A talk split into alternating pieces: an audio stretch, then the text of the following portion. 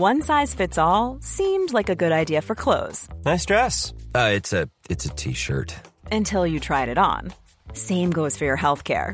That's why United Healthcare offers a variety of flexible, budget friendly coverage for medical, vision, dental, and more. So, whether you're between jobs, coming off a parent's plan, or even missed open enrollment, you can find the plan that fits you best. Find out more about United Healthcare coverage at uh1.com. That's uh1.com.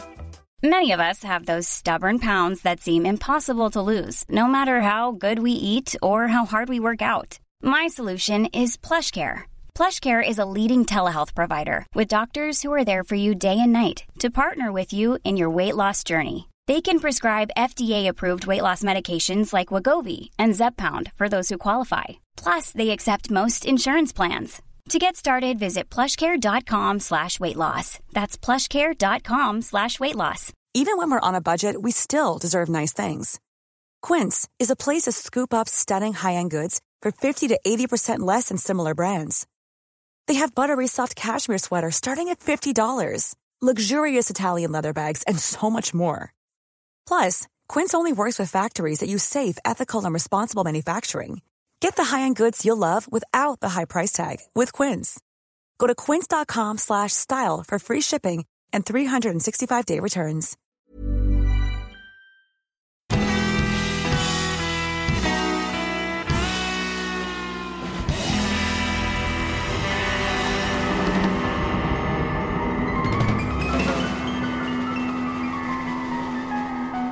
Hej allihopa och välkomna tillbaka till ett nytt avsnitt av Ståpäls. Det är ju alltid jag, Ida, och med mig har jag ju Lukas.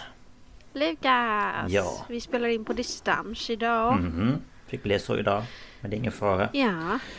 Nej, Det är vi vana vid. ja. Mhm. Det funkar ju så pass bra så att eh, Ja, det tycker jag att det gör. mm. Mhm. Hur är det med dig? Jo då, det är väl eh, bra tycker jag. Mycket, Mm. mycket i huvudet men eh, nej, det är helt okej. Ehm, Så jag tycker att det är, det är... Jag sa det precis innan att det är varmare nu än när jag cyklade till jobbet i morse så att Jag frös nästan på vägen till jobbet och när jag svett, cyklade hem så svettas jag. Ja. Ehm, Men eh, man ska inte klaga.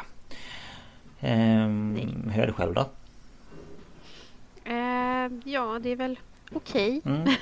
Jag har bråkat, jag har haft ont i kroppen, lederna, musklerna senaste dagarna och eh, min eh, mortal enemy, eh, trädet hägg, blommar. Ja. Så att, eh, det, eh, Det är ju skoj. det är mycket pollen. Mm. Jo det är ju det. och min hyresvärd verkar älska att ha dem runt huset. Ja. Så de är överallt här. Du bara yay. Nej det är Ja. inte så roligt. När jag kom hem nu. Jag, jag, har ju, jag har ju åkt på att ha... Eh, jag måste ju typ ha öppet hela tiden nu. Ah. Sen eh, du var på besök Ja, och satte ja. upp eh, kattnätet. så att Nox vill ju vara på balkongen. Ja men såklart. Det kan jag ju tänka mig att han inte går med på något annat. Nej, han är Nej. ganska dryg faktiskt. Ja. Det är väl skönt att han kan ut där och mm, hålla på. Ja. Ja. Vad skulle du säga? Nej jag skulle säga att eh, precis nu när jag kom hem så höll de på att klippa gräset överallt. Och det är ju Ja. lite av min... Det är eh, också en favorit. Ja, så att jag bara kände typ när jag kom upp för uppfarten bara Här är gräsklippning på gång. Ja, det var ju som jag sa. När var det? Det var väl när vi var i eh, Jo, när vi var och fiskade i torsdags. När vi var vid Ja, Lyssnaängen. just det. När jag liksom kom och bara... Här klipper de gräs. Ja, det gjorde de också. Jag är allergisk eh, främst mot björk, hägg, gräs och eh, gran. Mm. Jag vet inte riktigt. Men eh, det är liksom syren och Mm. ja. Mitt kommer att allt, gå men- lite tycker jag. Men Mm, gräs tror jag. Och björk är väl ganska vanligt. ja. Ehm, något specifikt har jag faktiskt inte testat. Så att jag vet inte men...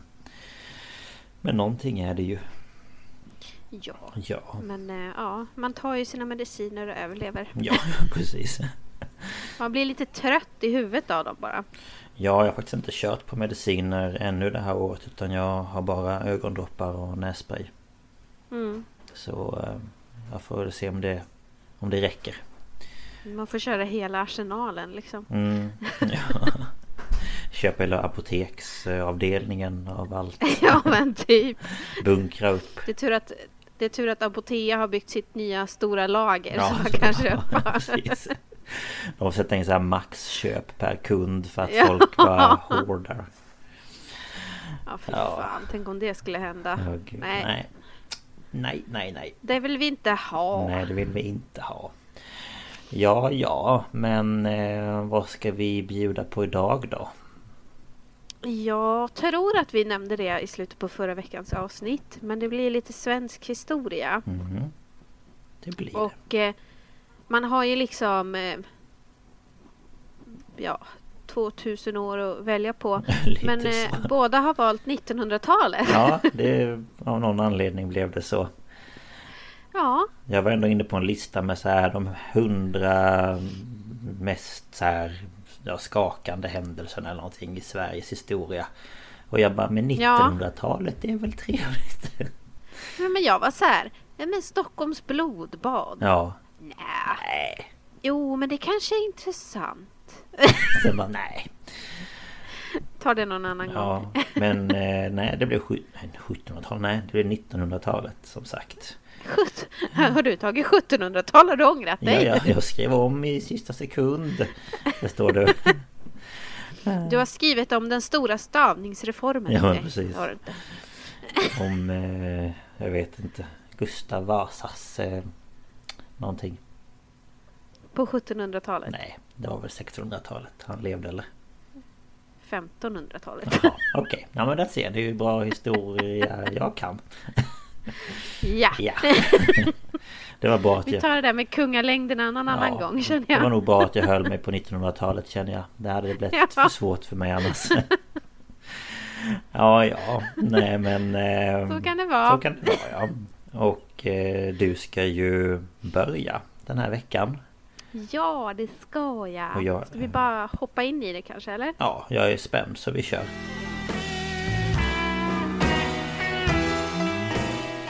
Eh, vi diskuterade innan eh, vi började spela in och eh, jag sa ju till Lukas att jag skulle ha ett känt ljudklipp med eh, som vi kommer komma till och eh, då visste ju han precis vilket ljudklipp det är.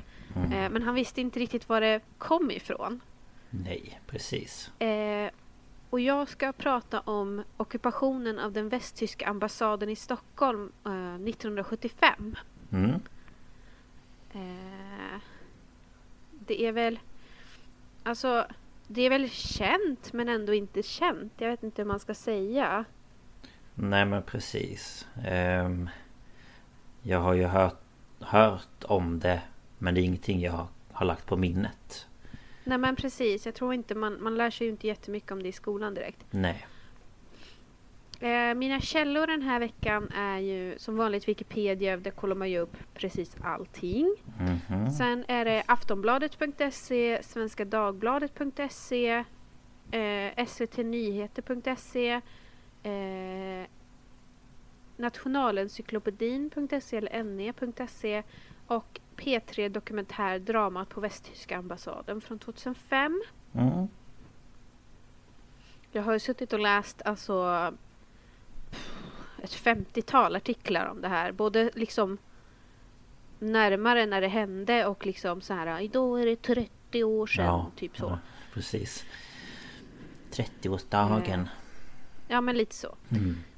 Eh, men det var torsdagen den 24 april 1975 och dagen började som en helt vanlig dag på den västtyska ambassaden på Gärdet i Stockholm. Det är ju där typ alla ambassader ligger, tror jag. Ja, det är väl någon sån ställe där i Stockholm. Jag har ju sett, jag var där för eh, en före detta pojkvän skulle söka jobb som eh, vakt på amerikanska ambassaden. Mhm. Mm.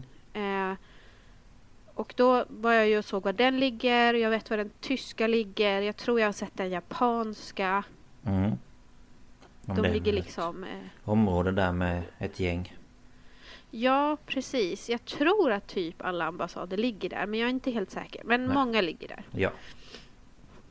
Eh, vaktmästarin, vaktmästarin, va? vaktmästaren i entrén hade tagit emot ett antal besökare under förmiddagen. Alltså det var liksom som vanligt. Mm. Eh, de flesta var ju passärenden och då visade han på vart de skulle gå. Det var, jag tror det var en eller två trappor upp. Ehm, och liksom, ja, det var inget konstigt. Nej. Eh, strax efter 11.30 så kommer två män i 25 till 30-årsåldern till ambassaden. Eh, även de sa att de hade passärenden och eh, han visade upp samma avdelning som han visade de andra. Mm. Eh, en stund senare kommer en man och en kvinna, båda i 30-årsåldern. Och kvinnan bar sorgeband och de sa att de var där gällande en arvsfråga. Och då visade ju vaktmästaren på vart de skulle gå. Och liksom, ja, tänkte Mm. inte så mycket på det.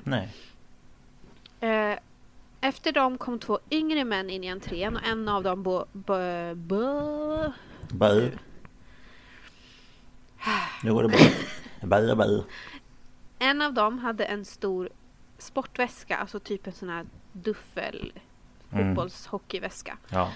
Eh, och de ville prata med en ambassadtjänsteman om att studera i Sverige. Mhm. Men vaktmästaren sa då att det är inte ambassaden som eh, hanterar sådana här ärenden. Eh, och då sa de att de också ville söka arbetstillstånd. Men när vaktmästaren sa att det var en sak för svenska myndigheter så blev de irriterade och menade på att ja, men vi har blivit hänvisade hit och vi ska komma in. Mm. Han bara, nej, Mm. det, det är inte rätt. Nej. Ehm, och när han liksom skulle ja, vara lite mer på och nästan ja, men, visa dem vägen ut typ. Ja. Så öppnades dörren till trappan av en tjänsteman som kom ner från de övre våningsplanen. Och då kastade sig de här männen fram och slog upp dörren och sprang upp för trappen. Mhm. Eh, Och eh, man har då gränsskyddspolis för att alltså när du kommer in på en ambassad så är det ju som att du går över gränsen in i ett annat land. Ah. En ambassad liksom, om jag är utomlands och går in på svenska ambassaden då har jag samma rättigheter som när jag är i Sverige. Ah, okej. Ja. Det visste jag faktiskt inte. Eh, nej men det är så det funkar. Mm. Det är därför eh, i många filmer när de, när de är, ja men någonting har hänt och de är typ jagade av eh, de har, är misstänkta för ett brott så bara vi måste ta oss till ambassaden. Ja, för där skulle de i så fall typ bli behandlade som de skulle bli behandlade här. Ja, så då kommer de ju in till... Det är ju svenska myndigheter. Om det Mm. säger till svenska ambassaden, då är det svenska myndigheter. Då måste ju det landet som vill ha en begära...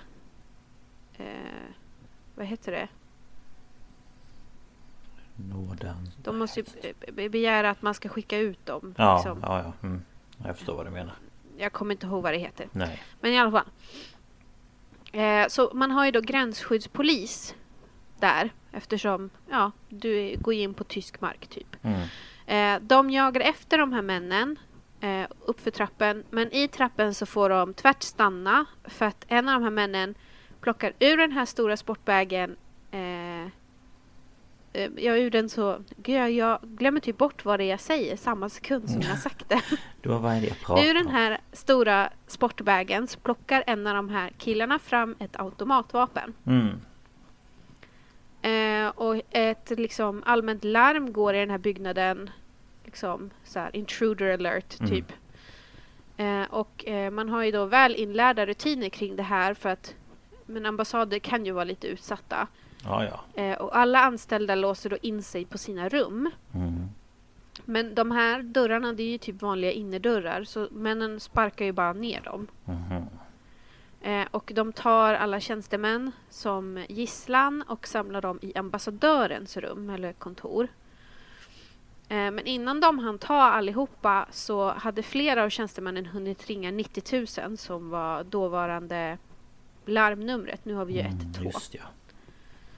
Eh, och en radiobil från polisen då kom till platsen eh, och två poliser ger sig in i byggnaden och upp för trappan men där möts de av automateld och tvingas springa ut igen. Och eh, i P3 Dokumentär så in, intervjuar de eh, Gud, min hjärna liksom kommer verkligen efter mig när jag pratar. Jag hör det idag. Den är, Vad är det som händer? Den är lite bakom, eh, bakom flötet tänkte jag säga. Jag, jag vet inte vad som händer. Okej. Det är, det är ingen fara. Vi förstår vad Det var i alla säger. fall en, en spanare. Eh, och han hade då... Jag vet kall, om de kallas privatspanare men alltså han var ju polis men spanare och civilklädd. Ja. Ja men... eh, Är det en privatspanare? Eller är det bara en spanare? Privatspanare jobbar inte på polisen. Alltså det är väl en spanare som... En, alltså som smälter in i, i mängden. Ja. Tänker jag. Ingen, Han åker ju i alla fall runt i en omärkt bil mm, eh, och får höra... ehm, eh, nej men hallå, vart är jag? Vad händer? Jag vet inte. Vad händer? Eh, han hörde på sin radio eh, att någonting skedde på ambassaden. Och ja, hör väl att det skickas dit bilar och eh, ja, vad säger man, ledningscentralen. Mm, eh, säger att ja, men vi vill att du åker dit och kollar läget. mm, Ehm, och han är ju med i den här P3 Dokumentär och man får höra honom berätta liksom med egna ord och så. Han hette i alla fall Per-Uno Hågestam. Okej. Ehm, så ja, han ger sig ju iväg dit. Det här är ju inte långt ifrån liksom stadskärnan i Stockholm. Nej nej. Eh, Så man kan ju promenera från eh, centralstationen till Gärdet. Det är inte jättelångt. Alltså om du tänker eh, om du går ner till vattnet från där ambassaderna ligger så har du typ ehm, men vad är det som är mitt emot där? Jo men det är väl Grönan? Är det väl? Det vet jag inte. Är det kanske. Äh, nu blir jag förvirrad. Men Ursäkta vad- om det är folk som kan Stockholm. Men var inte det där vi gick förbi när vi hade varit på Mr Cake och skulle gå till Grönan?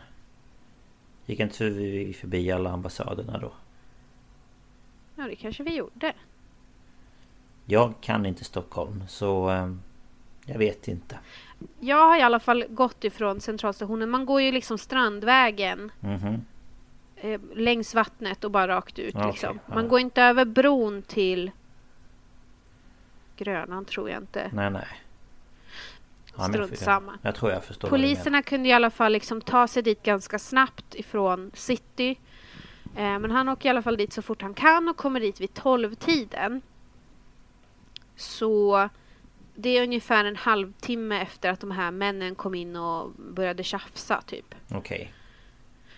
Eh, och eh, som han säger, på, på något sätt så hamnar jag i ambassadörens eh, bostad och eh, pratar med hans fru. Han, ja, men, alltså, han går väl runt där och kollar läget och bla bla bla. Och någon säger kom hit och gå dit och så Mm. hamnar han där. Eh, och han frågar henne om hon vet vad det är som händer. Och hon vet ingenting. Nej. Och den här bostaden ligger ju alltså bredvid själva ambassaden. Mm.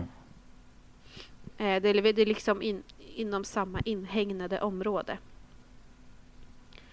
Eh, men han frågar i alla fall om det går att ringa direkt till ambassad, eh, det vill jag säga ambassadens eh, kontor, men ambassadörens kontor. Mm. Eh, eller om man måste gå via någon växel. Liksom. Hon har ett direktnummer. Eh, och han ringer dit, eller hon ringer dit och så ger hon telefonen till honom och då är det en man som svarar. Och det är liksom ganska mycket gap och skrik i bakgrunden. Mm. Eh, men Per-Uno frågar liksom vilka är ni, vad vill ni, vad, vad håller ni på med? Typ. Mm. Och då svarar den här mannen att de är Kommando Holger Mainz. Mhm. Och det här tog liksom nästan hela P3 Dokumentär plus googlande för mig att fatta att det var inte en man som hette Kommando Holger Mainz som svarade. Mm, det typ... För det var, trodde jag, jag trodde det var en titel. Kommando och så Holger Mainz. Mm. Men kommando är samma som eh, man på engelska säger operation. Ja. Så det var liksom Precis. operation Holger Mainz. Mm. Det, det var jätteförvirrande för mig. För när jag skulle googla sen på hur gammal den här mannen var och det, Ja. bara hittade jag ingenting. Du var bara bara, jag för förstår inte. Men i alla fall, de här var då Operation Holger Mainz. Mm. Och de här personerna var Hanna Krabbe, Karl Heinz Delvo, Lutz Taufer, Bernhard Rössner, Ulrich Wessel och Sigfrid Hausner. Mhm, var de så många? Jag, ja. Jaha, jag trodde det var Eh, och- två personer eller någonting. Nej, alltså det var ju alla de här som jag berättade som kom in. De skulle kolla pass och sorge Jaha, kvinnan som var där med ja, ja. arvsfråga och de här andra. Det är de. Ah, jag trodde att det bara var de som inte fick komma in. Nej, utan de där andra kom ju in. eh, För att de sa smarta saker. Ja, men lite så. Ja, okej. Så det var ju den här Hanna då som sa att hennes man hade dött och var där i en Mm. arvsfråga. Ja, ja, ja. Okej, då är jag med. Eh, och jag ber om ursäkt för mitt tyska uttal. Nej, men Jag det... kan ju inte tyska. Nej, då är vi två. Eh, han kom i alla fall överens. Jag vet inte vem av de här männen det var han pratade med. Det tror jag inte han vet heller. Nej. Eh, men de, de kom i alla fall överens om att eh, vad ska man säga, terroristerna, ockupanterna, gisslantagarna Mm. skulle ringa ner till receptionen i ambassaden senare. För de ville prata med en polischef chef, eller en minister från regeringen i Sverige och han hade ju ingen sån liksom, Nej. bredvid sig. Nej, såklart. Ehm, och medan det här hände då så kom högre befäl från polisen till platsen och man upprättade en ledningscentral inne i själva ambassaden. Mm. Eh, och 12.55 så ringde telefonen i receptionen och kravet som kom var att polisen skulle lämna ambassaden men det gjorde man inte. Nej. Så vid mellan 14 och 14.30 så hör man skott från ambassaden och då har man skjutit militärattachén Andreas von Mirbach, Mhm. eller Bach, Mm. Som man sen kastar ut från det här rummet. Ja. Och det här är alltså... Eh, ja. Man kastar inte ut honom ur huset. Nej, man kastar ut honom ur rummet. Bara kasta ut honom ur Nej. fönstret eller någonting. Nej, usch vad hemskt. Nej, okej. Ja. Eh, nej, men han ligger då ehm, döende ovanför trappan. Jaha. Okej. Precis liksom utanför rummet. Mm. Ehm, och det här är ju, säger man ju är för att polisen inte har lämnat lokalen liksom. Ja, ja. Eh, och eh, man eh, säger att om någon försöker hämta honom så slänger vi ner en handgranat. Mm. Och han ligger ju där liksom och blöder. Och, Mm. och eh, polisen vädjar till de här i över en timme och till slut så får man hämta honom. Och då är det två poliser som i stort sett får klä sig till bara kalsonger för att visa att de inte har några vapen. Mm. Eh, och så fick de gå upp och hämta honom. Och eh, Per-Uno, då den här spanaren, han åker med honom i ambulansen till Karolinska sjukhuset. Mm. Och där opereras han ju eh, akut för att han har bland annat ett skott i huvudet. Ja. Men eh, han avled på sjukhuset. Mm. Men det förstår jag tyvärr. Ja. Ehm. Ja. Usch. Och strax innan man hade hämtat Andreas von Mirbach eh, så hade, man, hade gisslantagarna släppt ambassadörens sekreterare Annie Wendtland från gisslan. Mhm. Och med sig hade hon två och en halv A4 som var då full med krav från då kommando Holger Weins. Eh, hette han Weins? Var det inte Mainz alldeles nyss? Det vet jag. Mainz, inte Weins. Ja. Jag har skrivit fel efternamn. Mainz ska det vara, inte. Ja, Jag bara, Det var det här känns inte var det, rätt. var det... Nej, ja så här går det. Ja. Eh, och de krävde att 26 fångar ur Bader-Meinhof-gruppen skulle släppas från fängelse i Västtyskland. Och däribland då Andreas Bader, Ulrike Meinhof, Gudrun en Enslin, tror jag man säger, Mhm. och eh, Jan Karl Rasp, eller Raspe. Mhm. Och eh, man sa att de skulle släppas senast 21 på kvällen, samma kväll då. Köras till Frankfurts internationella flygplats och var och en skulle få 20 000 dollar. Och om inte det här uppfylldes skulle man skjuta en av gisslan i timmen. Mhm. Okej. Och vidare så krävde man också fri lejd från ambassaden tillsammans med den svenska Bonn-ambassadören Sven Backlund. Eh, och man sa också att man hade 15 kilo trotyl och det kollade jag upp och det är TNT. Mhm. Eh, och ehm, om poliserna då skulle försöka ta sig in så skulle man spränga det. Mm. Och man ehm, uttryckte då igen att det var polisens fel att Mirbach hade dött. Eh, så vid 15-tiden så snabbutrymmer polisen eh, ambassaden och eh, sätter upp sin ledningscentral i ambassadbostaden istället. Ambassadörbostaden. Okej. Och eh, den här gruppen avslutar sin lista med krav med citatet Frihet genom antiimperialistisk kamp. Mhm. Okej. Wow. ja. wow. Eh, I kanslihuset i Stockholm så samlas nu regeringen, bland annat då statsminister Olof Palme och justitieminister Lennart Geijer. Och man hade kontakt med den tyska förbundsregeringen. Mhm. Och man berättar då vad de kräver, alltså man berättar vad det är som händer, vad de kräver och lite så. Eh, och den västtyske förbundskanslern Helmut Schmidt eh, meddelar 2030, alltså 30 minuter innan den här tids fristen går ut, eller vad säger man? Mm, ja. Ehm, 2030 så meddelar han då, statsminister Olof Palme, att man vägrar ge efter för kraven. Mhm. Och justitieministern for då i ilfart till ambassaden för att 2051 själv meddela gisslantagarna per telefon att deras krav inte skulle godtas. Okej. Så om du tänker då att 2030 så meddelar han Olof Palme att vi ger inte efter Mhm. och 2051 är han på plats och berättar det här. Så du förstår, det är inte så långt då ifrån kanslihuset Nej men precis. i Stockholm. Det är ju inte jättelångt nej. Ehm, och 22, eh, 22.20 så pratar... ehm, alltså man, man, är då, man är skiträdd då att från 21 så kommer man börja skjuta folk men det händer ingenting. Nej.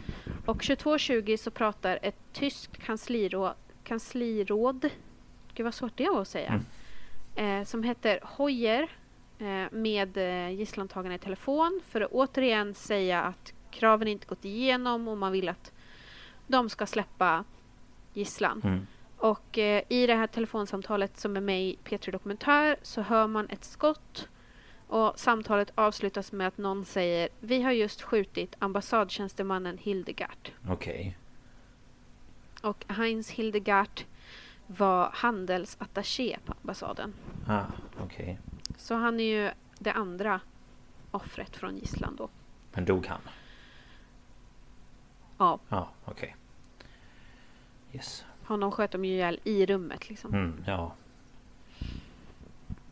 Eh, klockan 23.46 så detonerar den här TNT-laddningen inne på ambassaden. Och eh, det är nu eh, det väldigt berömda ljudklippet med Bo Holmström som var Mm. journalist på Sveriges Television spelas in. Mm. För han är ju där och ska ja, men, livesända och hålla upp uppdaterat. Mm. Eh, och I studion på Sveriges Television sitter, vad heter han, Claes Elfsberg, Ja, något sånt. tror jag. Han sitter ju där och eh, Bo har berättat att han har ju en monitor så han ska se vad det är de sänder i bild Mm. då från studion. Mm. Men vid något, på något sätt så har den här eh, typ blivit tillsparkad eller någonting så att den funkar inte. Nej. Så han vet inte vad är det Vad är det som de visas? sänder. Liksom? Och Claes sitter i studion och berättar om den här Bader-Meinhof-gruppen. Eh, och eh, det här spelas in och jag spelar upp det för Lukas nu eh, och han lägger in det i bättre kvalitet för er. Ja.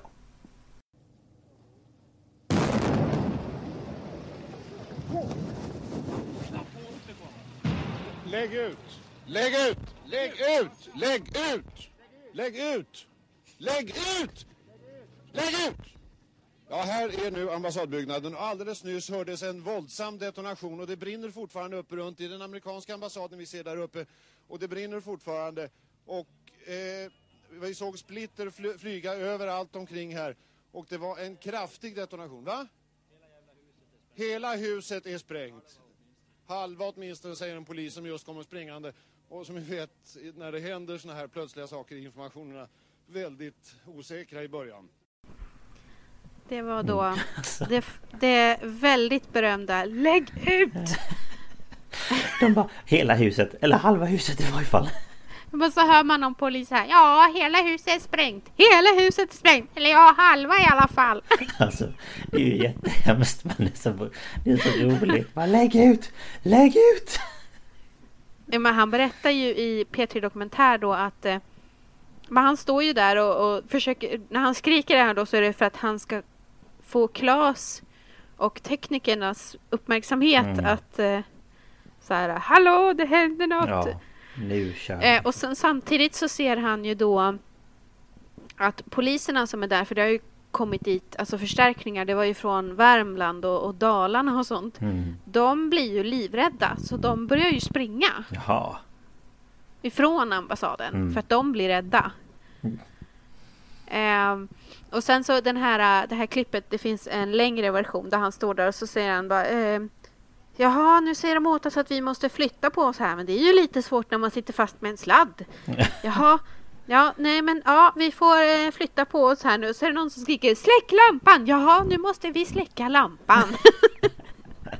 han är väldigt, Ja. han är ju väldigt lugn. Ja. Och ändå så här, han, för han duckar ju i det här klippet när explosionen sker, för han står ju där liksom. Ja.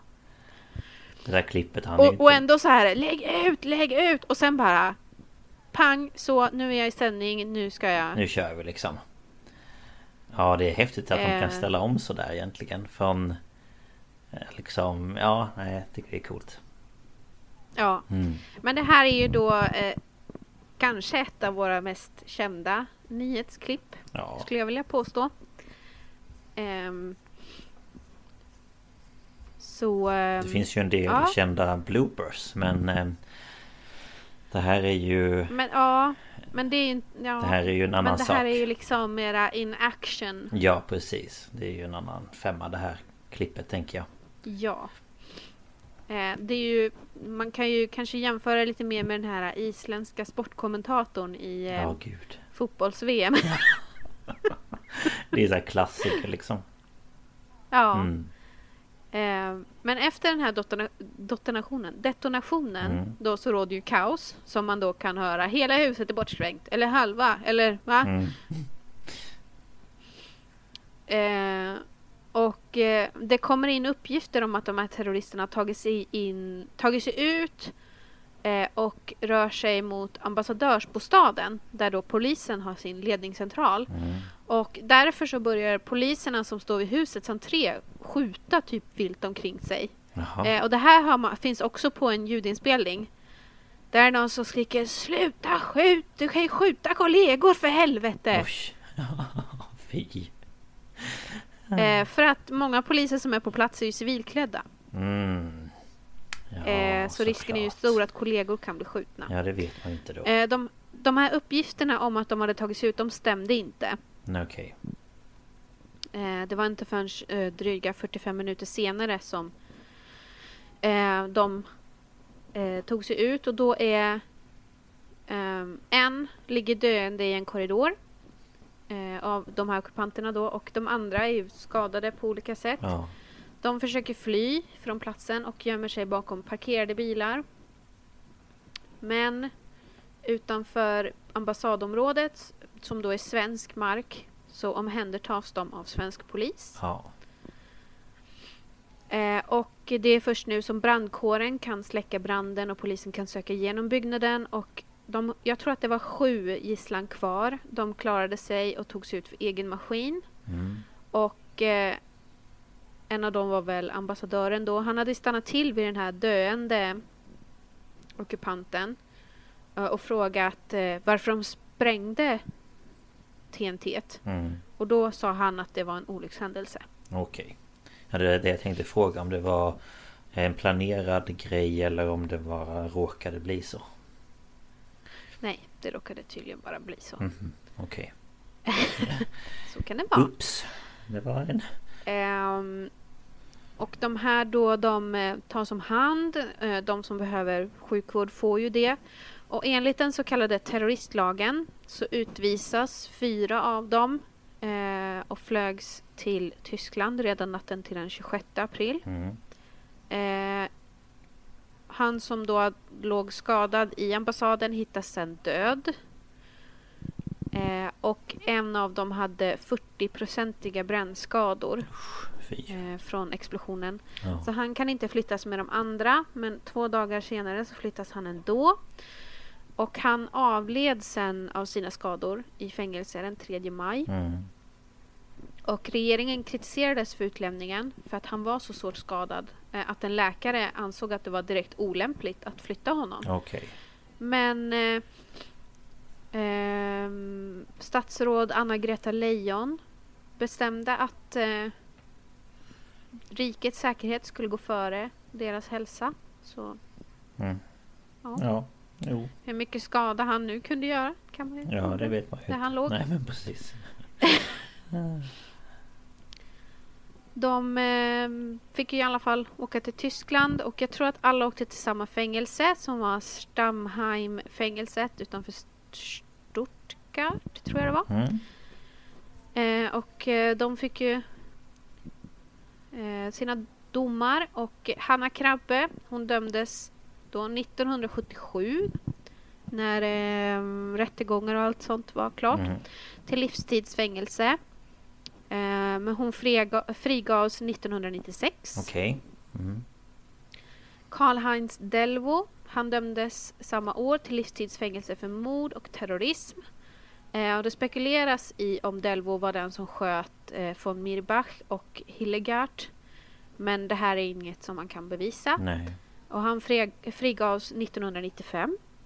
Mhm, Mm. Eh, Lutz Taufer dömdes också 77 till livstidsfängelse för mord och terrorverksamhet. Och han frigavs 96. Eh, Bern, Bernhard Rössner dömdes eh, samma år till fängelse i 17 år och kom ut då 1994. Eh, och det var ju då för den här ockupationen. Ulrich Wessel var den som eh, efter den här eh, TNT-explosionen eh, så var det han som hittades livlös i en korridor på tredje våningen med svåra skallskador och splitterskador. Mm.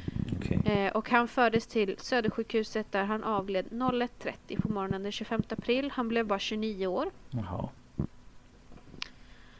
Ehm, Sigfrid Hausner var den som fick 40-procentiga eh, brännskador och en skallfraktur. Och efter då ha inledningsvis vårdats vid Karolinska sjukhuset så utvisades han. Och då var det det här Stammheim-fängelset. Eh, och de hade varken tillräckligt kvalificerad personal eller utrustning för att behandla honom. Eh, och han avled då av lungödem Mm. i fängelset Okej. till följd av de här skadorna. Han blev bara 23. Oj. Det var inte mycket. Ehm, så de som då fick livstid, de blev ju sedan, vad ska man säga, benådade. Ja.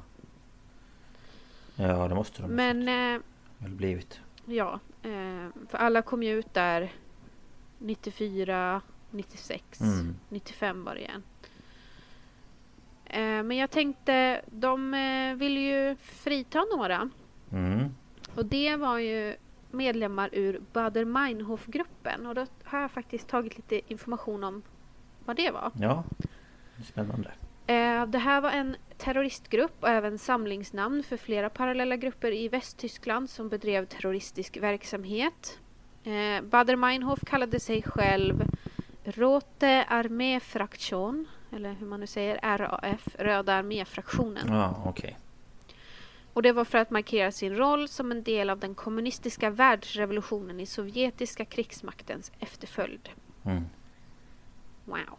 Eh, RAF var verksamt mellan 1970 och 1998 och mördade totalt 34 människor. Mhm. Och under hösten 1977, som kallades Tyska hösten, genomförde RAF ett stort antal aktioner, vilket ledde till en ge- regeringskris.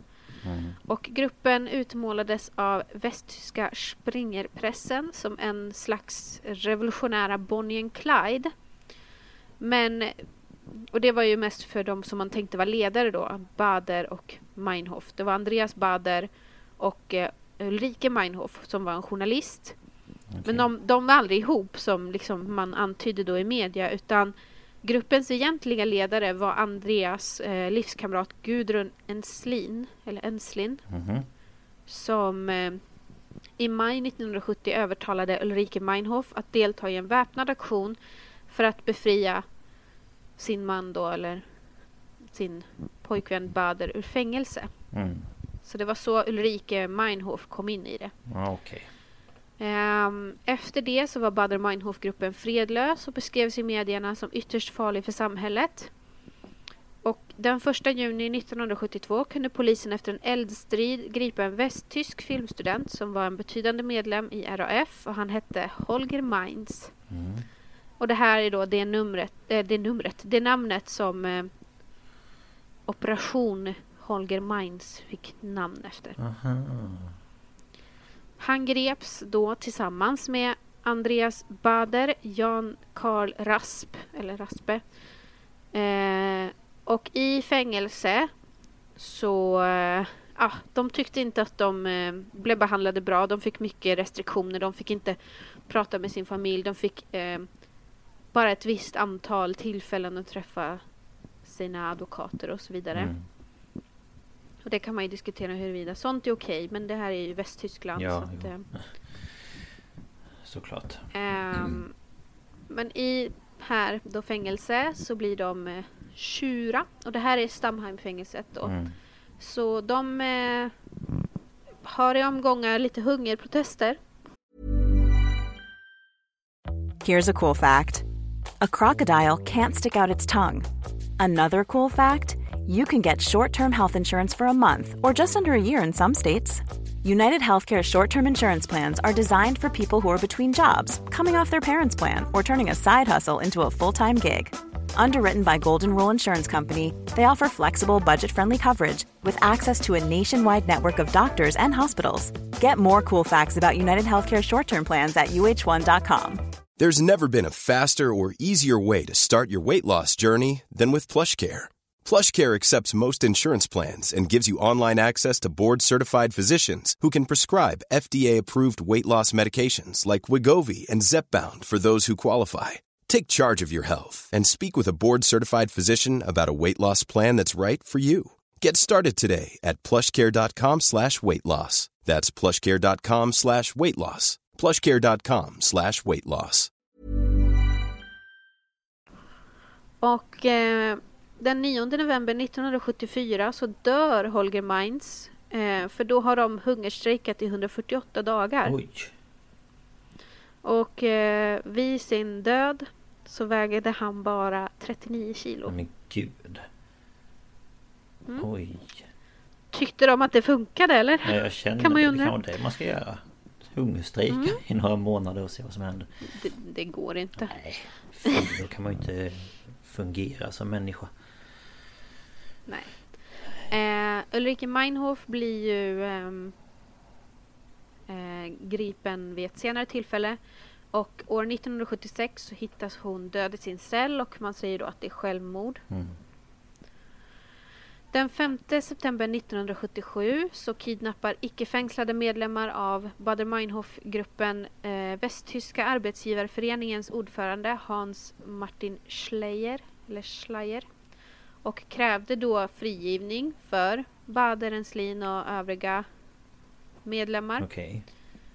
Ehm, och man tog då den här Schleyer, Schleyer eh, för att man ville ha en slags folkets rättegång mot honom för att han var då en eh, före detta nazistisk krigsförbrytare. Ah, Jag vet inte huruvida det, han verkligen var det eller inte. nej, men nej. Okej. men eh, västtyska regeringen vägrar ju ge med sig. Ehm, och då kapar palestinska terrorister som samarbetar med Bader Meinhof ett plan som tillhör Lufthansa. Mhm. Ehm, som skulle från, tror jag, från somaliska huvudstaden, huvudstaden Mogadishu. Ehm, eller om de var på väg, antingen skulle de därifrån eller skulle dit. Men hur som helst så landar planet i Mogadishu igen eller om de kommer fram. Och där håller de då folk gisslan och ett västtyskt specialkommando eller liksom special operations lyckas eh, den 17 oktober eh, slå till mot det här planet och de dödade flera av kaparna och befriade gisslan. Eh, och kort därefter så mördar Slayer. Mhm. Han den här um, som de hade tagit gisslan Mm. för att Så att det, mm, det går ju jättebra det här med Både de som blir tagna gisslan får ju inte jättemycket stöd och hjälp känner jag. Nej, ja. Och det går inte jättebra för de som tar folk gisslan heller för de kommer ju liksom ingen vart. nej men precis. Ehm, I Stamheimfängelset efter det här så hittar man Bader, Enslin och Rasp döda. Mhm.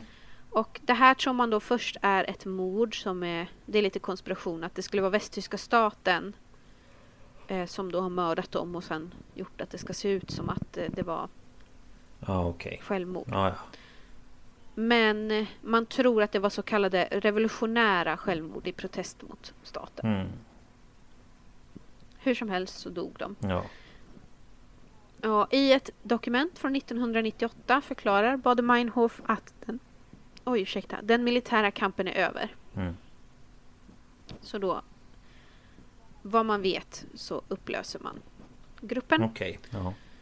Eh, och eh, efter ockupationen på ambassaden i Stockholm så säger Olof Palme, som då var statsminister, att eh, ockupationen fick en framgångsrik upplösning och att det var en seger för demokratin.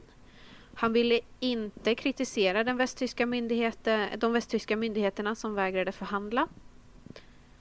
Ehm, det var väl diplomatiskt av honom, även om man kan tycka att de Ja, kunde ja. ha gjort någonting. Såklart. Eh, och det fanns alltid misstankar om att de hade haft svenska medhjälpare till det här. Men Lutz Taufer som eh, kom ut där i mitten på 90-talet. Eh, han hävdar att de inte hade några svenska medhjälpare utan det var bara de. Mm. Okej. Jag förstår. Ja. Ja. Men Så det var det. Ja, men vet man varför de just valde den svenska? Alltså i, ja, i Sverige? För det finns väl ambassader för Västtyskland i fler länder, eller va? Det var väl att de var i Sverige. Jaha, okej. Så det var därför. De här eh, medlemmarna Ja, ja. var i Sverige. Ja, okej. Nej, jag bara tänkte om det var någon anledning till att de valde just... Ja, den ambassaden. Nej, jag tror att det var för att de, de eh, antingen bodde de här eller var här. Mm, okej. Jag förstår. Ja, men... Jag hoppas att det inte blev allt för rörigt nu när min hjärna typ gick på semester eller vad den gjorde. Det gick i baklås ett tag.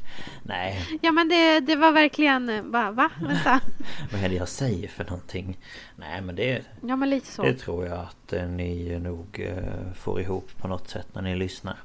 Ja. Eh, men tror jag jag. tyckte det var spännande i varje fall. De har fått liten, Mm. liten större eh, ja, inblick i, i händelsen så att säga. Mm. Så att eh, nej, det var, det var bra. Tack för det. Thank you. Thank you, thank you. You're welcome. Ja, då välkommen. Nu är jag eh, taggad på att höra ditt. Ja, vi får väl hoppa vidare då. Ja. Mm.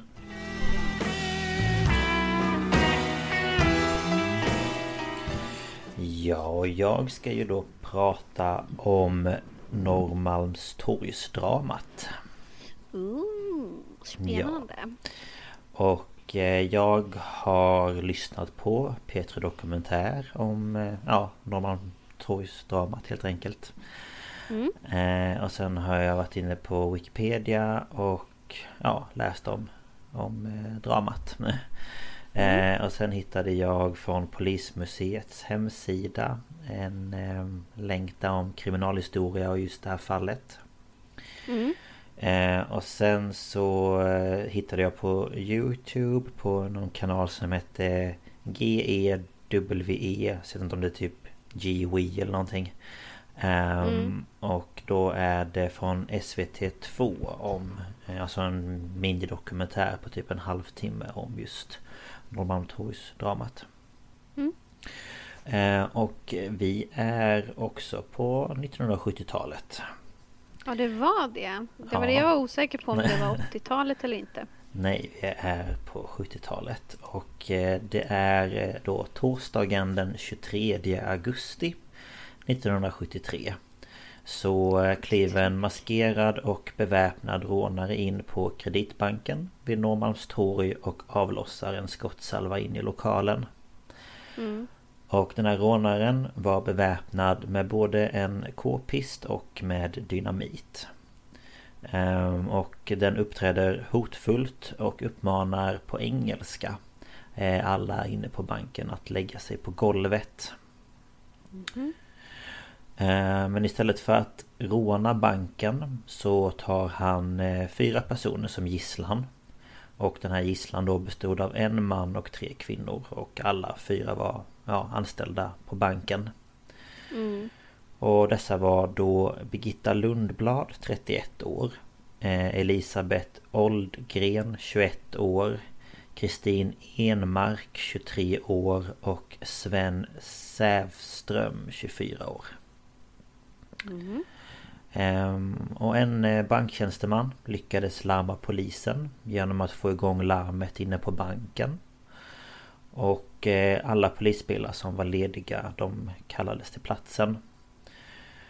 Och när polisen eh, då var, var framme så spärrade man av torget. Och eh, samtidigt som poliserna spärrade av torget så lyckades några av dem ta sig in på banken. Och där är det då en av poliserna som får kontakt med rånaren. Liksom så här ögon, ja, ögonkontakt liksom. Mm. Och han upptäcker då att rånaren är beväpnad. eh, Men hinner då inte riktigt flytta på sig utan han blir beskjuten och träffs, eh, träffas av ett skott i handen. Ehm, Och efter det här då så börjar rånaren ställa krav. Och eh, de här kraven de ska även de då ha framförts på engelska. Ehm, Och eh, han kräver att få 3 miljoner kronor i både svensk och utländsk valuta. Och de här pengarna de skulle då han ha i kontanter. Mm. Ehm, och ett annat krav är att rånaren vill ha en fulltankad och snabb bil. Ehm, det var väldigt viktigt att den skulle vara snabb. Ehm, Gasa ifrån. ja, gas, gas. Gas. Eh, och han ville också ha eh, två pistoler. Då han menade på att det skulle vara lättare att hantera vid flykten än k-pisten som han hade vid tillfället. Och då kan jag ju känna att varför skaffar du inte två pistoler istället för en k-pist? Men ja, Jag tror att det är det att en k-pist ja är ju lite mer... ehm, skräckenjagande kanske. ja, precis. Mm. Och att det är ett automatvapen så det går Ja. att skjuta många skott på en gång. Ja, såklart. Eh, och eh, sist men inte minst så krävde rånaren att han ville lämna banklokalen tillsammans med Clark Olofsson. Just det. Ja, och eh, Clark Olofsson han har ju tillbringat mer än hälften av sitt liv på olika kriminalvårdsanstalter. Mm. Och han har kallats för Sveriges första popgangster. Ehm, och det här gjorde han, eller ja, har han då kallats för eh, för att han trots de hemska brott han begått har behandlats eh, väldigt varsamt av media. Ehm, och samt att han då i och med det väckt mer nyfikenhet än fruktan över liksom sin person. Mm. Och enligt någon undersökning i USA så ska han även ha blivit utnämnd till en av Sveriges mäktigaste män. Ja, alltså jag lyssnade precis på eh, Spotify Doc Mm, ehm, om Gräskungen. precis. Ehm, och då han sitter ju, en av dem sitter ju i fängelse med Clark Olofsson som Ja. ja. cellgranne. Ja. Ja precis. Och eh, han blir ju snabbt vän med honom och Ja det kan jag tänka Ja. mig. han Ja. känns ju lite som en maffiaboss. Ja men lite så. Typ. Ehm, kostym och, och så. Ja, och i fängelse liksom i och med att de blev lite tjenis med varandra så var det plötsligt ingen som vågade röra honom. Nej såklart. Nej för det är ju respekt Ehm. kan jag tänka mig. Ja, och de intervjuar ju honom, Clark Olofsson, där också. Och, alltså han pratar ju som en... Mm. Ja, det kan jag tänka mig. gangster liksom. Ja.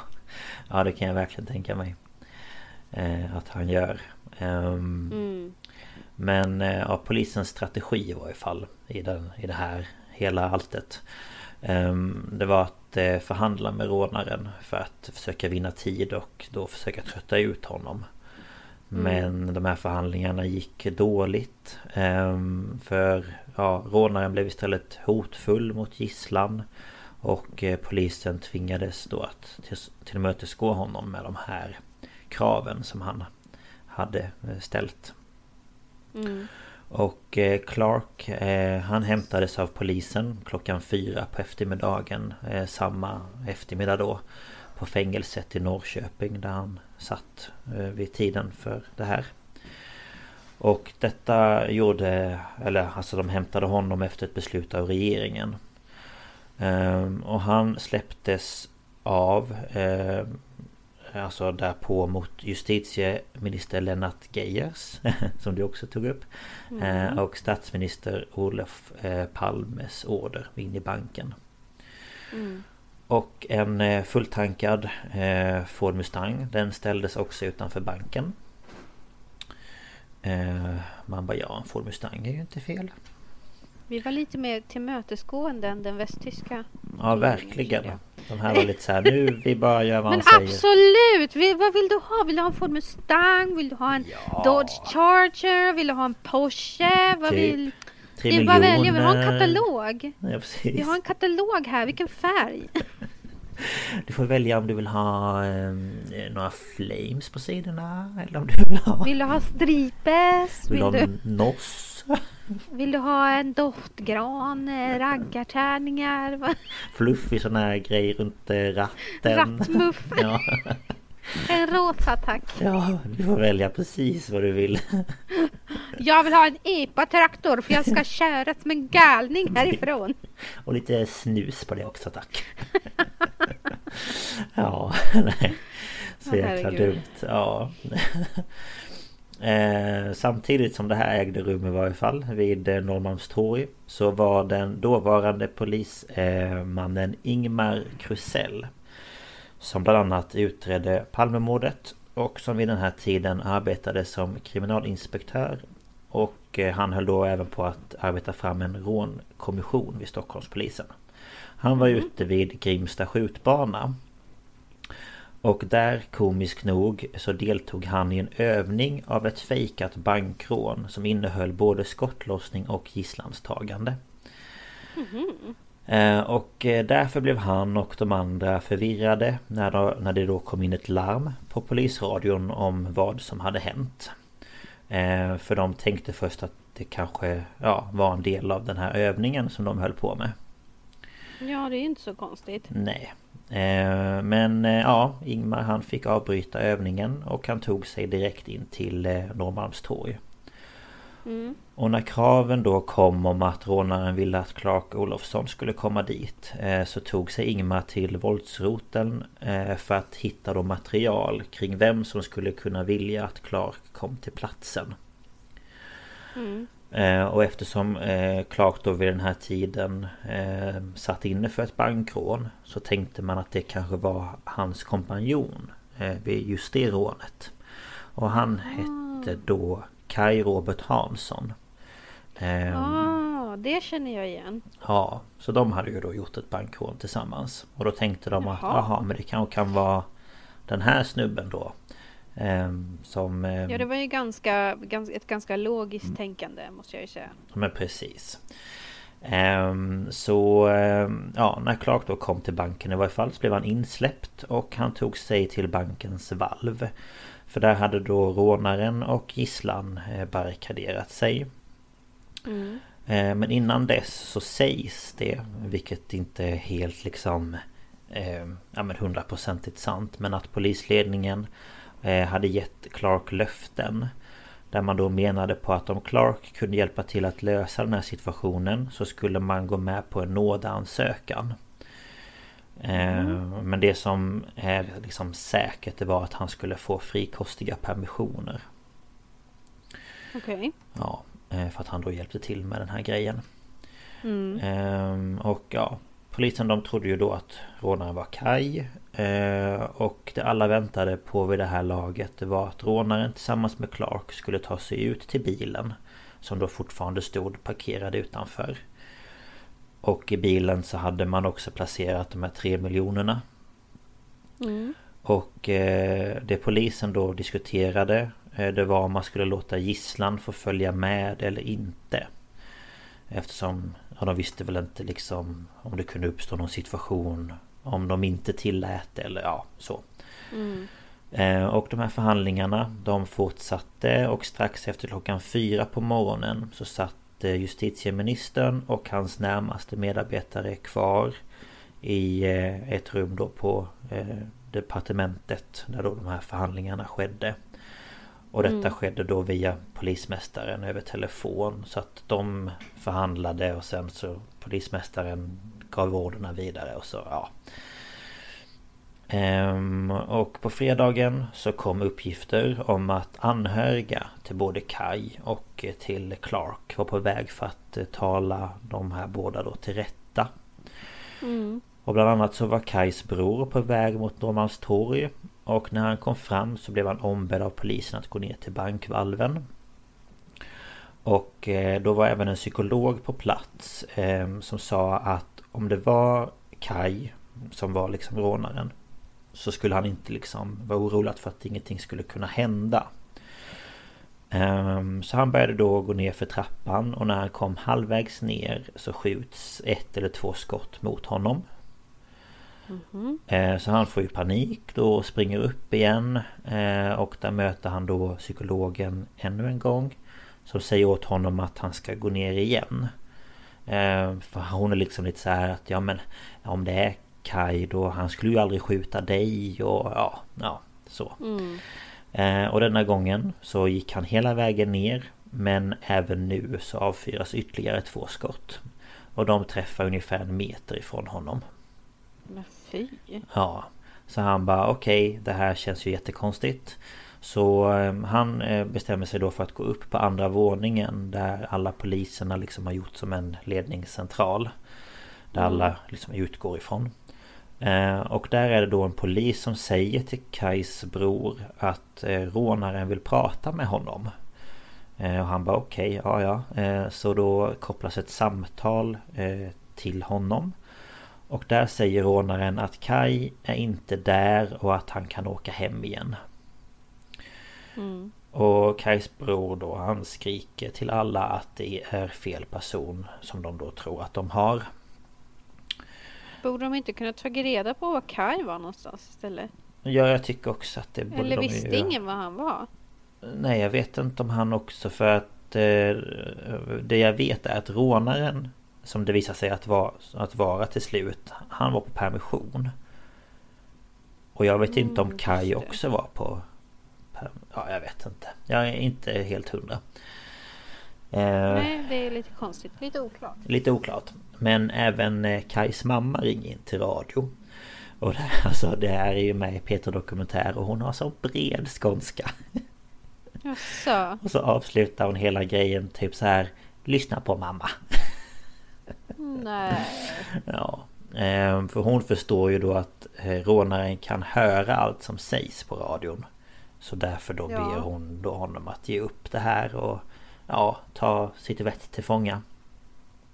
Mm. Eh, men samtidigt så kommer det in ett tips från fängelset i Kalmar. Att det här då kunde vara Janne Olsson som var rånaren. Mm. Ehm, och eh, i samråd med en psykiatriker så beslutar polisen att fortsätta med att försöka vinna tid. Och inte förrän på fredagskvällen då den 24 augusti så får polisen fastställt att rånaren är eh, ja, Janne Olsson. Mm. Och Janne han ringer samma kväll upp statsministern eh, då Olof Palme från en telefon inne i valvet.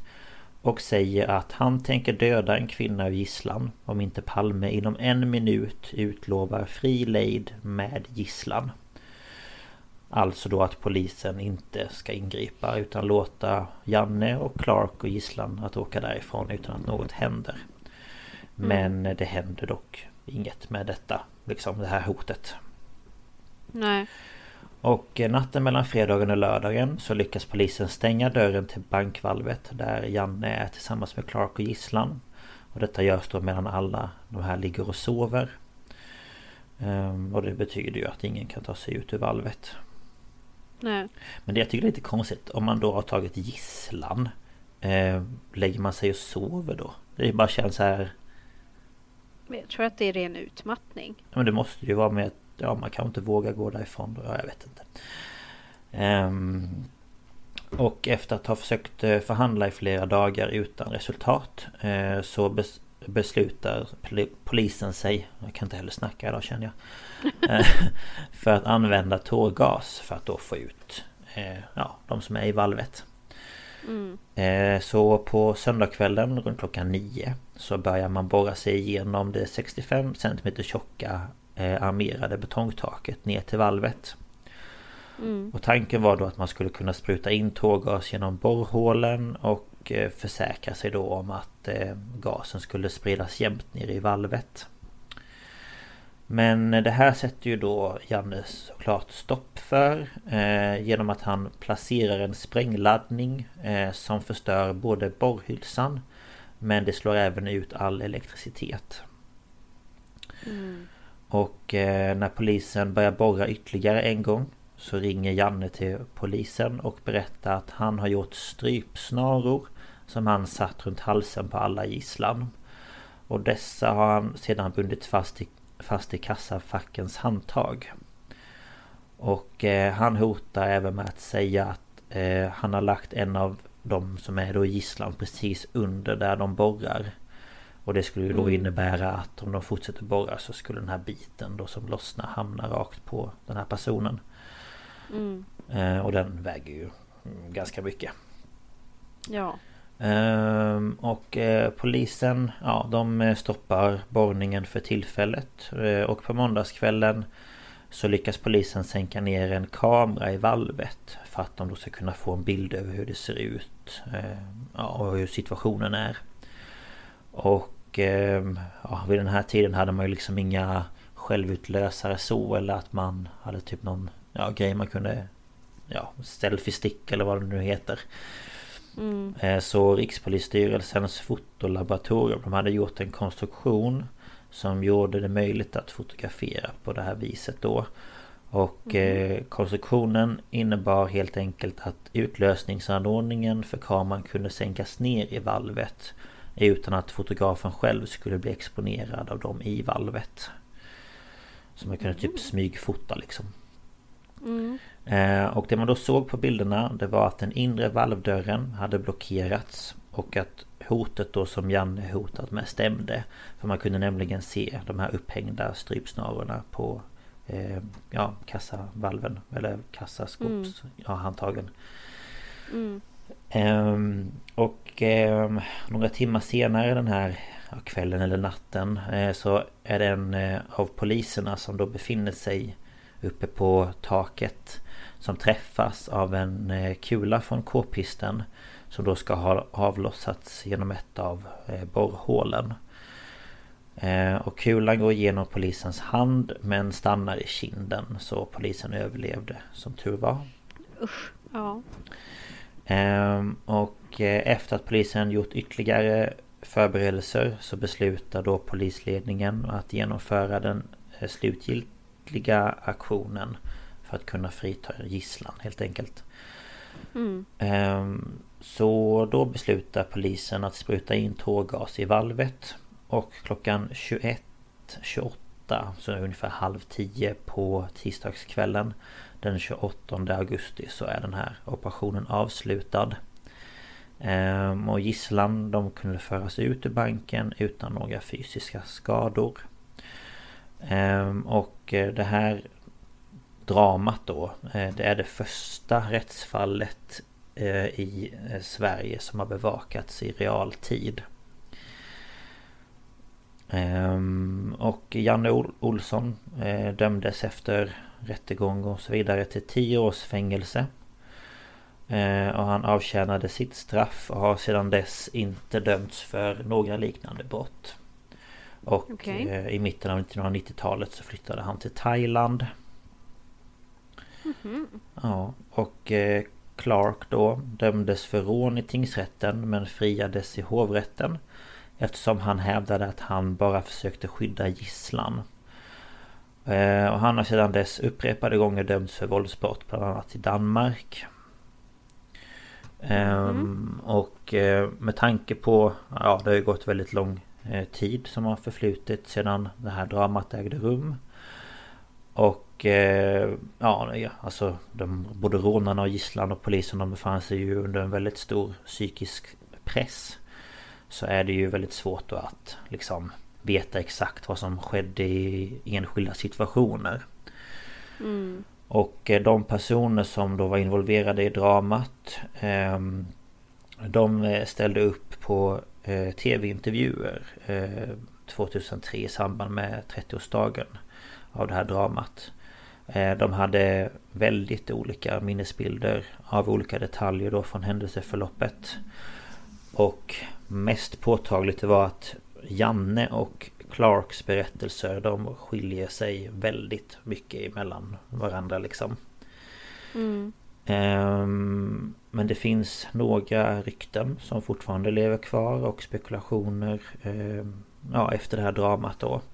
Och det är att man har sagt att en eller flera av de här kvinnorna de skulle ha utsatts för något slags övergrepp.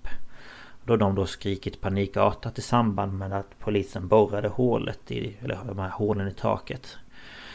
Eh, Men ganska snart så kunde detta dock eh, avskrivas då man på liksom den bandade ljudupptagningen efter att man liksom hade tvättat kallar man ju det för. Man fixar till ljud liksom. Eh, Då kunde man höra att ropen var att polisen skulle sluta borra. Så det var liksom inte ett, ett skrik att jag är i fara eller att någon gör någonting mot mig som jag inte vill utan Utan det var gisslan som sa att ni, de ska sluta borra. Okej. Ja. Eh, och eh, sen ett annat rykte är att eh, statsministern då Olof Palme Det sägs att han ska ha engagerat sig personligen i dramat. Och han har då under den här eh, ja, händelsen talat med eh, en av kvinnorna då i gisslan Den här Kristin Enmark eh, på telefon. Och eh, polisen spelade in totalt 45 minuter av de här telefonsamtalen eh, Och delar av det här materialet användes då vid följande rättegångar Mhm. Men 20 minuter av bandinspelningarna det har dock eh, klippts bort och ja, försvann spårlöst Och det har då eh, gett upphov till mycket spekulation kring vad som har sagts under det här eh, Den här delen då av telefonsamtalet Mm. och 2003 så ehm, eh, sa både Enmark då och Olsson och Olofsson och Ingmar eh, Krusell att anledningen till att den här delen hade raderats var att Palme hade frågat Enmark om det inte skulle vara skönt att dö på sin post. Eh, vilket jag inte vet om det stämmer men det är det de säger. Mm. Ehm, och ehm, eh, vad heter det? Clark Olofsson. Han eh, smugglade ut en större summa pengar från banken sägs det. Eh, trots att dramat Okej. slutade med att han och Janne då gav upp eh, och överlämnade sig frivilligt. Men teorier eh, som då ja, men, har spridits är att han ska ha stoppat upp 10 000 kronor sedlar i ändtarmen. Man bara okej. Mm. Eh, och då i förväg hyrt en bankbox i lokalen och då lagt eh, pengarna där i. Ehm, men det är liksom ingenting heller som, vad ska man säga, är, är liksom bekräftat. Nej, okej. Eh, och ehm, till slut då så är det ju då ett berömt fenomen som har uppstått från det här Norrmalmstorgsdramat. Och det är ju då Stockholmssyndromet. Ja. Och det är ju då eh, kan man säga ett eh, psykologiskt fenomen. Där då en person i en hotsituation som till exempel då ett gisslandsdrama börjar sympatisera med gärningsmannen och försvarar då dens agerande. Mm. Och eh, Norrmalmstorgsdramat det innehöll flera händelser som då kan tyda på att någon form av förtroende mellan rånarna och gisslan ja, uppstod. Och eh, tänkte ta upp några exempel som jag hittade. Mm. Ehm, och då sägs det då att Kristin Enmark tog Janne Olsson i försvar när hon talade i telefon med Olof Palme.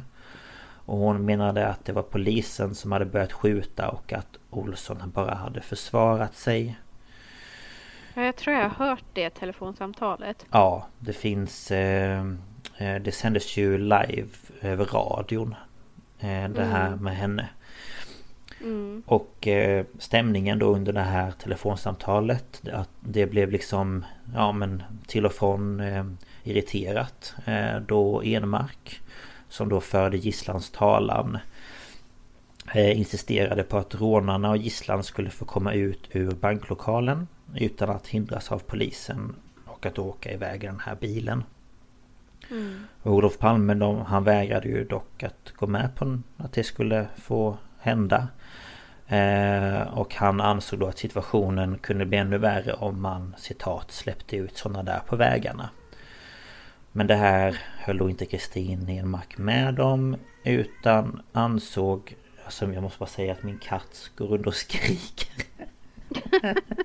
ja om det kommer med så är det bara min eh, katt som eh, ja, har något fuffens för sig. jag bara... um, ja men att hon gick inte med på detta utan hon ansåg helt enkelt att det bästa för att lätta upp situationen hade varit om polisen hade gett efter förordnarens krav. Mm. Eh, och eh, under ytterligare ett annat telefonsamtal så ska då hon då Kristin utvecklat sitt resonemang. Och då har hon sagt inom citat att de då inte var det minsta rädd för vare sig Clark eller den andra. Vad jag är rädd för är att polisen ska storma in här i banklokalen och börja skjuta och ha sig. För då förstår man ju att i ett sådant läge då kommer ju ingen av oss levande härifrån. Då dör vi ju allihop. Mm. Um, och sen vid dramats slut så krävde polisen att gisslan skulle komma ut ur valvet först. Eh, och Olsson och Olofsson sist då. Men eh, rånarna de vägrade dock gå med på detta eh, för de fruktade att polisen skulle misshandla eller skjuta dem så fort gisslan liksom var utom syn och hörhåll. Mm. Och eh, gisslan eh, tycktes även här sympatisera med rånarna och eh, vägrade att komma ut ur bankvalvet innan ja, Janne och Clark hade gått ut. Um, så det var några några grejer som mm. jag har hittat liksom. Um, mm. Så ja, det var det. De dömdes. Men ja, Janne som sagt han är i Thailand. Och har sig. Ja. Clark vet jag inte om jag läst att han inte satt inne för tillfället eller om... Ja, jag är osäker. Nej, jag vet faktiskt inte. Nej, inte jag heller. Jag blir lite osäker. Men eh, så... Eh, ja, det var ju ett äventyr. Ja, det kan man ju säga. Verkligen. Eh, Herregud. Ja, men... Eh, ja, nej, det är spännande. Det har man ju också hört mycket om. Ja, verkligen. Ehm, men, men eh, mycket detaljer som man kanske inte känner till. Nej men såklart. Så det var bra tycker jag. Ja. Tackar, tackar. Ja. Oh.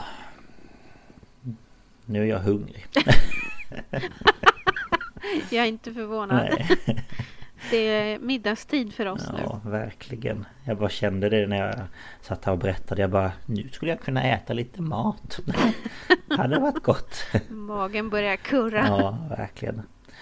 Ja, ja, nej men det ja. var det för den här veckan. Jag hoppas att ni mm. tyckte att det var spännande eller intressant eller ja, så. Mm. Um, Och eh, vill du dra vad man kan nå oss? Ja, jag tycker att man ska gå in på Instagram på Stapals podcast och eh, tryck på följ. För att vi lägger upp eh, ja, men bilder och så som hänger ihop med avsnitten och eventuell info. Där kan man också skriva ett eh, meddelande om det är någonting man vill. Eller så kan man mejla oss på stapalspodcast.gmail.com. Mm. Helt rätt. Ehm, vi eh, tar emot tips inför nästa säsong och både på ämnen och på specifika saker. Mm. Precis. Eh, för det är, börjar ju närma sig slutet på den här säsongen nu. Ja, nu är det Eh, så att... Eh, två avsnitt eh, till efter detta. mm, Mm.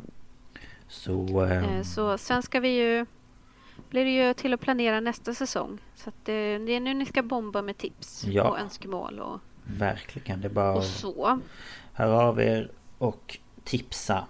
Det uppskattas verkligen. Om det är någonting ni saknar eller någonting ni vill höra mer av eller Mm. Eller något sånt. Ehm, Mm. Så skulle det verkligen uppskattas av oss båda. Ja, och eh, något som vi också uppskattar är ju om ni betygsätter oss om det är möjligt där ni lyssnar. Mm. Eh, och kanske lämna någon kommentar eller så om det också är möjligt. Mm. Eh, det hjälper ju oss dels för att vi får veta om, om ni tycker om det vi gör Mm. och eh, det gör ju att vi kanske syns lite mer i folks förslag och så vidare. Ja, jo men precis. Det är ju lite sådär med olika siffror som ska ja, hålla på för att man ska börja Ja. synas. Precis. Ehm, så gör det. Det låter som en väldigt bra idé. Ehm, Ja. Så får vi väl tacka för att ni har lyssnat. Ehm, Mhm. Och eh, så får ni ha det så bra. Ehm, Och så håller vi tummarna för eh, Tusse i Eurovision Song Contest. Vi Ja. spelar in idag på tisdag ikväll, mm, tror jag att det är, Ja. som Tusse ska ha sin delfinal. Mm. Så, och på torsdag är det delfinal två och vi hoppas ju såklart att han går vidare och vi hoppas på en vinst. Vi kommer väl Ja. säga vad vi tyckte nästa vecka. Ja men precis. Det, det tror jag nog för på lördag Det en. Eurovision, Eurovision och Mello är en stor del i våra liv. Ja. Att, eh, Det är eh, viktigt. man är lite nervös. Lite. Men ja, Ja men håll tummarna för Tusse hörni. Så det. hörs vi nästa vecka. det gör vi. Hej då! Hej då!